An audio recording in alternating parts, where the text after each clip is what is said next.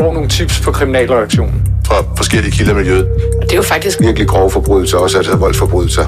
Hvad ser vidnerne i sagen? Hvem står bag? Hvad er motivet? Ja. Konflikt imellem Forskellige grupperinger. Drab. Vold. Hævn.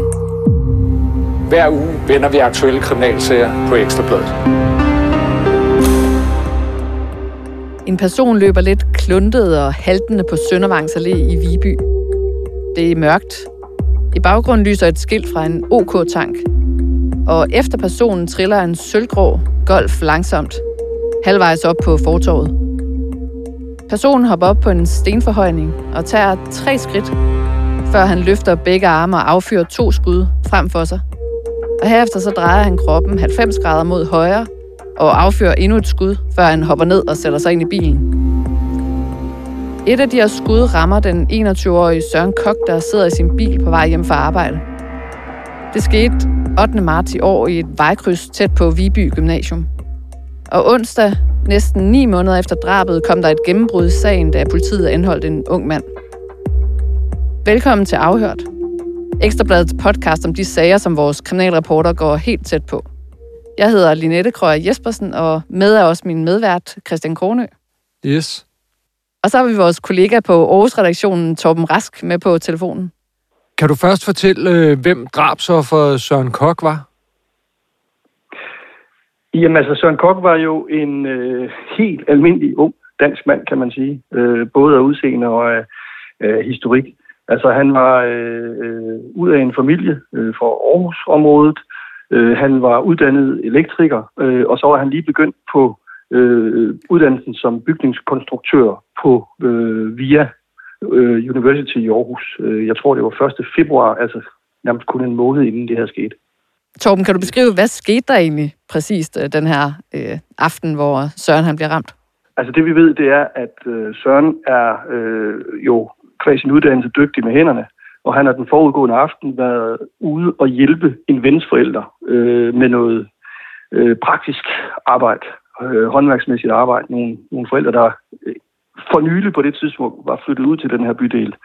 Øh, og, og han var simpelthen på vej hjem den her sene aften. Det er jo så, vi er ude på natten, fordi det sker jo klokken øh, 10 over 1, så vidt jeg husker. Øh, og og øh, han er simpelthen på vej hjem og skal op næste dag og passe sine øh, studier og sin uddannelse på bygningskonstruktøruddannelsen på VIA University i Aarhus. Øh, og, og jamen det vi så ved ud over det, øh, jamen det er jo så, vågner vi hele verden, havde jeg sagt, eller øh, men vågner næste dag, og, og politiet sender den her øh, presmeddelelse ud, og vi er derude, og, og laver også reportage derudefra, og, og forsøger selvfølgelig at, at, at, at snakke med nogle unge mennesker og andre derude om, hvad de kan se, og så videre, og så videre. Men i sådan en slags sager her, der er det jo ofte også for vi journalister og fotografer vigtigt, at vi går forsigtigt frem, og ikke, ikke bare taler med den første og den bedste, og tager alle, alle kommentarer for gode varer. Øh, der var mange unge mennesker, der summede rundt derude, og der var mange teorier om både det ene og det andet og det tredje. Øh, men, men så holder vi tungen lige i munden, og så, øh, og så snakker vi selvfølgelig med politiet først og fremmest om, hvad kan de sige på det tidspunkt. Og det var ikke meget på det tidspunkt. Øh, øh, jeg tror, de, øh, det der jo sker, det skal man også huske at bemærke sig, det er jo, at, at, at politi, den politipatrulje, der finder øh, Søren, øh, det, er en, det er en patrulje, der er på vej på en anden opgave. Øh, og, og de ser så, at han, han sidder i bilen og er skudt og dræbt. Øh, og, og, det, og det er jo også med til sådan at, at, at kan man sige, bestyrke øh, den her teori om, at, at, at, at, at der har ikke været, altså det, det er jo kommet lige så meget bag på politiet, der har ikke været noget forudgående eller andet, som de kunne forbinde med det her. Øh, og det gør jo kun, hvad kan man sige, drabet øh, og, og, og det hele endnu mere forfærdeligt og, og, og, og meningsløst. Torben, nu startede jeg jo med at beskrive, hvad der skete, da gerningsmanden affyrede skuddene. Og det ved vi jo, fordi at politiet de offentliggjorde en overvågningsvideo på et øh, pressemøde, hvor man ser gerningsmanden. Og der var du jo også til stede. Hvad har politiet egentlig fortalt om sagen? Jamen, det er ikke øh, super, super meget, de har fortalt, øh, fordi de jo af gode grunde øh, har, har vidst fra begyndelsen, at de måske kunne have med en sag at gøre, som, øh, som kunne øh, relateres til bande, øh, bandemiljøet i Aarhus. Øh, det kunne de jo så hurtigt udelukke, at, at det øh, var, var Søren Kok, den dræbte Søren Kok. Søren Kok overhovedet ikke en del af hverken det kriminelle miljø eller, eller bandemiljøet på nogen måde. Øh, men i og med, at, at det har ligget som en, hvad man sige, en parallel øh, ting i det i efterforskningen hele vejen igennem, så har de ikke været særlig åbne omkring det. Altså, de holder jo det her øh, pressemøde tilbage i maj, hvor de, hvor de viser en video. Øh, og, og, og det er jo sådan første gang i forløbet, de åbner lidt op politiet over for offentligheden for at, tror jeg, på det tidspunkt at kunne, kunne få noget fremdrift i efterforskningen. Var det simpelthen fordi, altså de havde ikke nok at gå efter, så, så derfor havde de brug for offentlighedens altså nu, hjælp?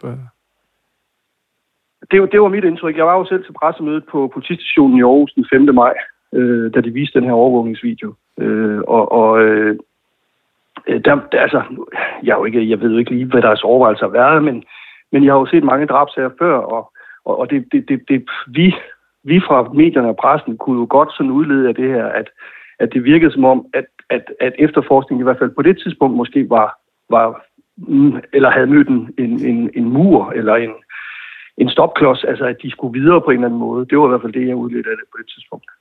Men det vi ved, det var jo, at det var en politipatrulje, som fandt Søren Kok øh, i sin bil, og politiet jo også har sagt, at øh, det de jo simpelthen arbejdede ud fra, det var, at han var et øh, fuldstændig tilfældigt offer, altså der ikke havde nogen forbindelse eller relationer til det kriminelle miljø.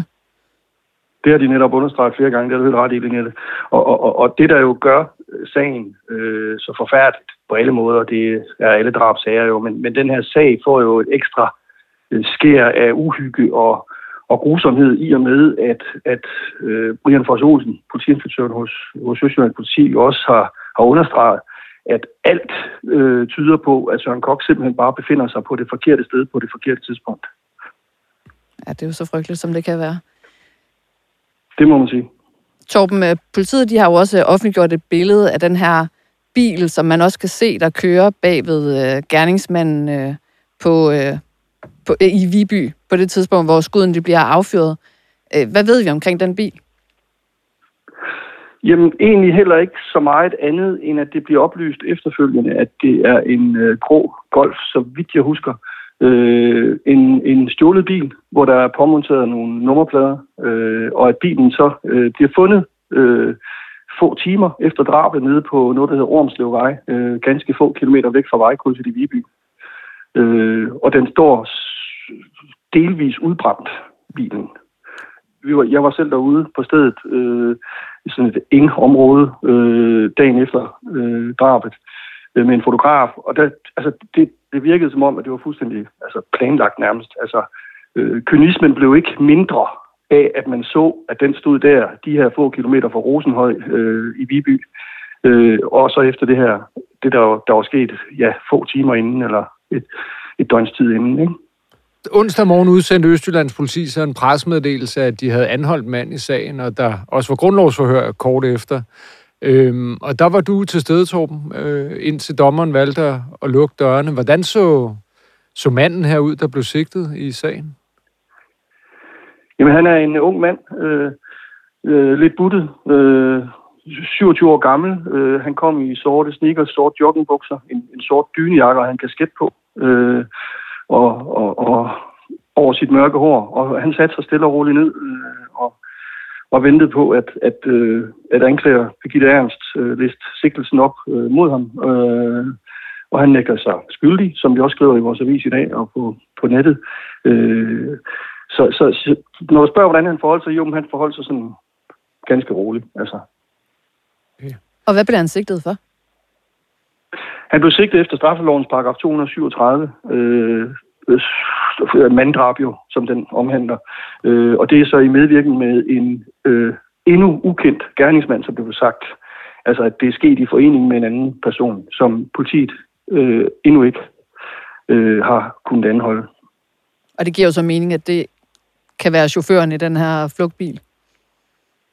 Det vil sagtens kunne, kunne give mening, at der lige præcis er den Torben, ved du mere omkring den 27-årige øh, og hans øh, eventuelle sådan historik? Ja, altså øh, vi ved øh, fra øh, enkelte lokale medier, at han på et tidligere tidspunkt tilbage i 2017 øh, er blevet idømt en øh, fængselsstraf på tre år for at have været involveret i et skyderi på åben gade i Aarhus. Så det er ikke første gang, han, eller til sydenlandet ikke første gang, at han har skudt med skarpt øh, øh, i offentligheden. Ved du mere omkring det skyderi? Ikke mere end, end hvad jeg fortæller her, at, øh, at øh, som sagt et, et skyderi på åben gade, og så den øh, selvfølgelig vigtige tilføjelse, at man dengang øh, konstaterede, at det var i forbindelse med bandekonflikt. Den her omtalte bandekonflikt, der har været i Aarhus, øh, og har blusset op i flere omgange hen over de senere år. Men altså, vi har også i, i det her forløb selvfølgelig spurgt, det prøvede vi også på i går i øvrigt, og spørge mere ind til, hvad ved de, øh, og hvor langt er de eventuelt i forhold til en anholdelse af, af yderligere en, en, en, en miste, eller en, en, der muligvis bliver sigtet, og der vil politiet ikke sige mere, som det er lige nu. Øh, og det er også derfor, at, at Hanne Rock her, der er dommer, øh, i dom, eller dommer i sagen, eller var dommer undersøgt, sagde, at, øh, at de ville følge øh, anklagerens øh, anmodning om at få lukket døre for offentligheden, fordi efterforskningen er på det stadie, den er, øh, hvor man netop har en medgerningsmand og, og muligvis flere på fri fod. Øh, så så, så det, det gav mening, at, at man, man lukkede for offentligheden, selvom Ekstrabladet selvfølgelig protesterede og, og anførte, at, at det også er en sag, som har skabt meget utryghed og, og, og store spørgsmålstegn, ikke mindst i den bydel, hvor det skete, men også øh, i, i altså flere af de her ungdomsmiljøer, hvor Søren Kok jo også er kommet. Han, er jo, han var jo vældig og, og kendt og respekteret i mange kredse. Hvem var, altså, hvem var ellers til, til stede i retten? Dommer, anklager og forsvar, som vi jo altid ser, og en bistandsadvokat, som vi altid ser i de her sager. Øh, øh, en bistandsadvokat, det er noget røvel, Det, det, det var ikke til stede lige i går. Men så var der ud over det, så var der selvfølgelig øh, nogle repræsentanter fra pressen, øh, Ekstrabladet, Jyllandsposten og andre. Øh, og så var der også øh, et par håndfulde tilhører, øh, hvor af nogen simpelthen ikke kunne komme ind i retslokalet, fordi der ikke var plads. Øh, så der var, der var mange mennesker øh, på, på lille plads, kan man sige. Ja, og så ud over det, så var der jo selvfølgelig også en hel del øh, både uniformerede og civilklædte politibetjente. Øh, så sikkerhedsopbuddet var også øh, stort. Og hvordan var stemningen i retten? Jamen, den var, altså der var lang ventetid, fordi øh, der, der, der, der skete den her forsinkelse, så der var jo sådan en, en lidt, altså man kunne nærmest høre en knappenål falde til, falde til jorden øh, i den ventetid, der var, fordi at det er jo en sag, som uden jeg, jeg på nogen måde ved, hvem der lige præcis sad på de her tilhørpladser, så kunne jeg jo godt fornemme, at det er jo en sag, som, som jo har, har øh, gjort rigtig, rigtig stor skade på nogle mennesker, som har holdt meget af den her unge mand, der blev, der blev dræbt øh, da i retsmødet, øh, eller da dommeren, han Rokia, beder pressen og, til, og, og offentligheden om at forlade retslokalet, som man jo gør ved de her grundlovsfører, når dørene bliver lukket for offentligheden, efter at sikkelsen er blevet læst op, der må vi gerne være der. Øh, der i forbindelse med opbruddet, og hvor folk er på vej ud, der er der en ældre mand, som siger, at du kommer til at brænde i helvede.